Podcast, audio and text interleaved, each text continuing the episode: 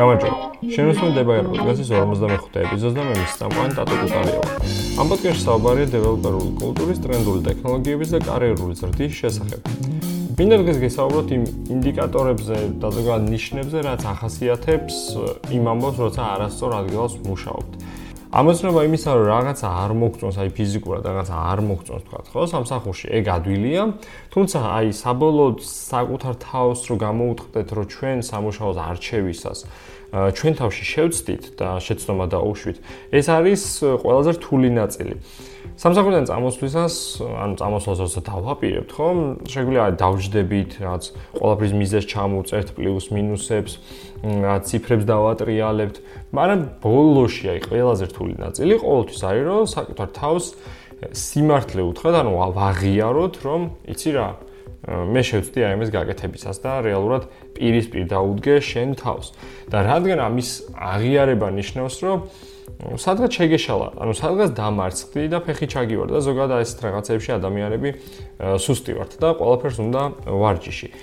ხო და მოდი ჩამოთვალოთ სად უნდა ვიგრძნოთ, რომ უკვე რაღაცა აი ყვითელი ნიშნები არის და შეგვიძლია სამუშაოს დაწყებამდე თავი შევიკავოთ, ან უკვე თუ მუშაობთ, მაგ შემთხვევაში გადავაფასოთ და გადავახალისოთ რაღაცეები, ну თუ ყველაფერი ისეა, როგორც ფიქრობ.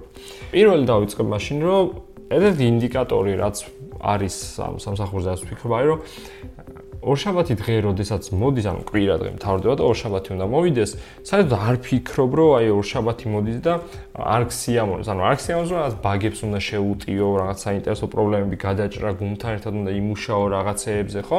ზოგადად იქენ პროდუქტი გიზიდავს და გინარ პროდუქტს, ანუ საერთოდ როცა ეს არ ფიგურირებს, ვფიქრობ, რომ რაღაცეები შეიძლება შესაძლებელი იყოს.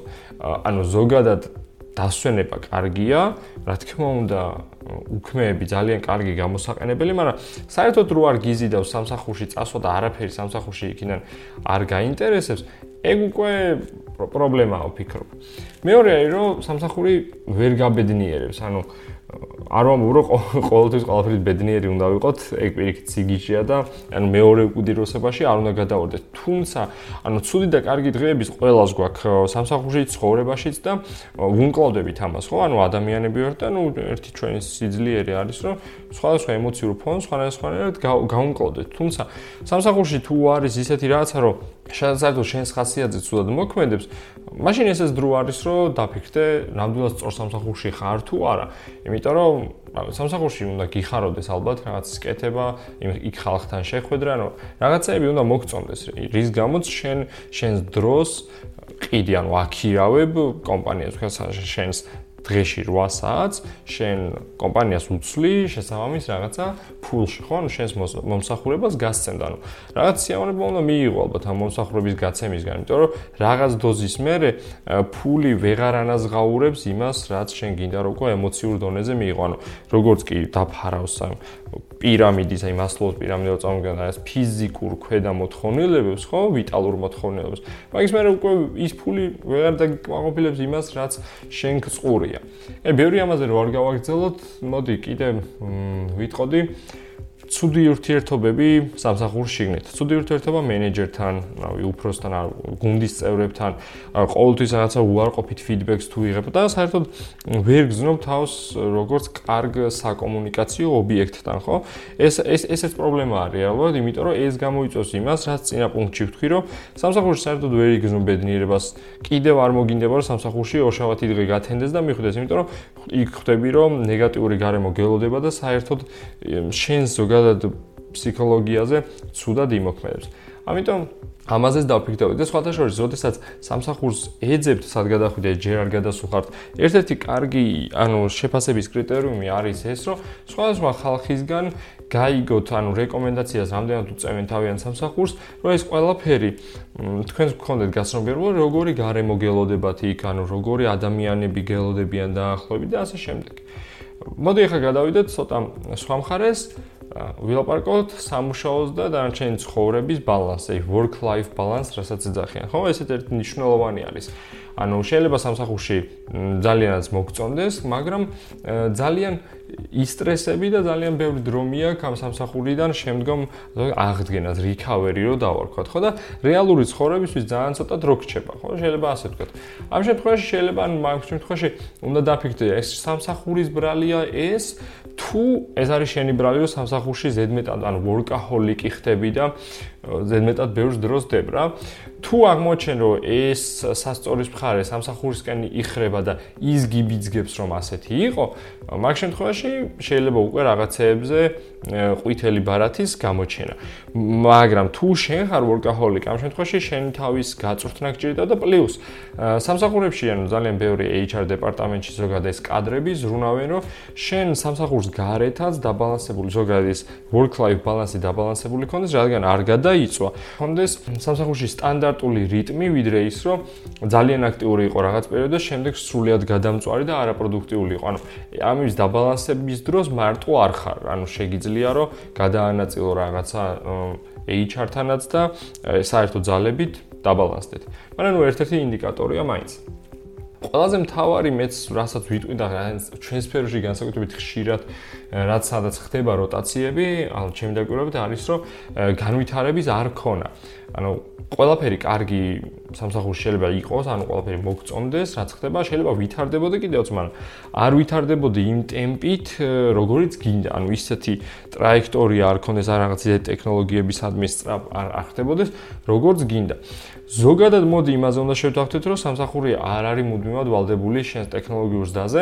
ანუ შეიძლება აინტერესებდეს, რომ შენ რაღაც სიახლეებს გაგაცნოს და მოგცეს, თუმცა მისი პირდაპირ ვალდებულება არ არის და ზოგადად ყველა პროფესიონალი ადამიანი, ვინ ჩვენ სფეროში ვართ, ყველა ვზრუნავთ ჩვენს თავზე, რომ სამსახურის მერე კიდე ვუზივართ ახალ ტექნოლოგიებს ვარჩევთ, ახალ ენებს, ახალ რაღაც მიდგომებს, პატერნებს, რომ მუდმივად რელევანტურები დარჩეთ, რადგან იმ სამსახურიდან როცა წამოვალთ, ჩვენ ჩვენ კარიერის განმავლობაში კიდე დაგჭირდება სხვა სამსახურები. ამიტომ განვითარების არ ქონას, ასე ვერ ვიტყვით, რომ თლიანად უნდა გადავაწყოთ სამსახურზე რაღაცები. არა. უბრალოდ სამსახურის მომენტში, ანუ როდესაც მუშაობ, მაშინაც შენ რეალურად ვარჯიშობ შენს უნარჩვევებს და თუ არაფერი ისეთი არაა, რაშიც გამოწვევას პოულობ, თუ ვერც soft skill-ებს ვერ ივითარებ, ხო? მაგ შემთხვევაში იქნებ job desk ისეთი სამსახურის მოძებნა, რომელშიც უფრო მეტი გამოწვევები გექნება. და ბოლო მინდა დავასახელო არასაკმარისი ანაზღაურება, რადგანაც რა ეს პრობლემა ყოველთვის ყველასთან დგას. ბევრი რაღაცა მოლაპარაკების საფუძველია, ბევრი რაღაცა შეიძლება საერთოდ ვერ ხდებოდა ისე ხდებოდეს კომპანიაში, თუმცა კი არასაკმარისი ანაზღაურება არის ერთ-ერთი დიდი ინდიკატორი, რის გამოც ადამიანები იცვლიან სამსახურს.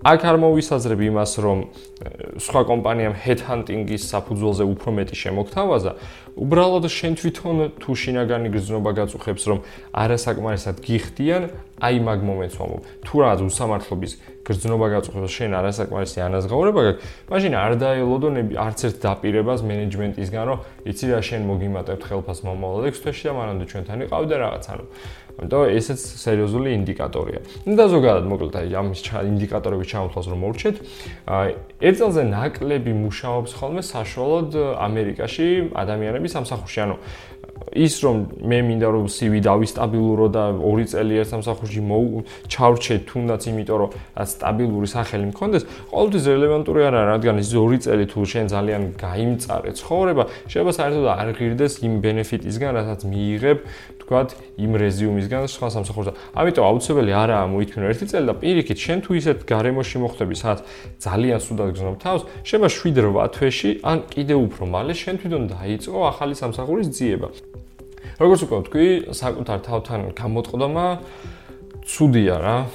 განა ვის უნდა ეხა რო თქვას, რომ აი შეცდომა დაუშვა, ხო?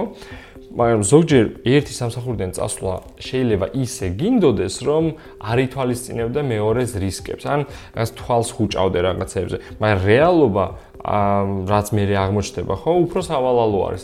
ამიტომ კი ჯობია რომ ყველაფერი კარგად შევაფასო, თუმცა ისევ ადამიანები ვართ, ემოციები გვძლევს, ასევე რაღაცეები შეიძლება ყველა სწორი კითხვა ვერ დავსვათ, ყველა ცვლადი სწორად ვერ ამოხსნათ, ხომ, განტოლებიდან. უბრალოდ აი დასასრულს როცა აი ყველაფერს გამოვიდეთ აი გვირაბის ბოლოს ხო შეგვჭება ერთი ძალიან კარგი უნარჩვევა უკვე ამ შეცდომაზე სწავლით ფეხის მოტეხვით როგორ შეიძლება ზოგჯერ ემოციები მოთოკოთ უფრო სწორი კითხვები დავსვათ ცივი გონებით ვიაზროთ და რომელი არჩევანი არის შენთვის და შენი კარიერისთვის სასიკეთო. ანუ ყველაფერს პოზიტიურად უნდა შევხედოთ. ის რომ შენ ცხოვრებაში გქონდა თქვა ცუდი გამოცდილება, ხო, ამ ცუდ სამსახურთან დაკავშირებით, არ არის ქვეყნის დასასრული, რადგან ეს შეცდომა ხო და რაც მალე მოთელავ ამას და უფრო დაკლები ასე თქვა დანახარჯები და ნაკლებ რისკებში.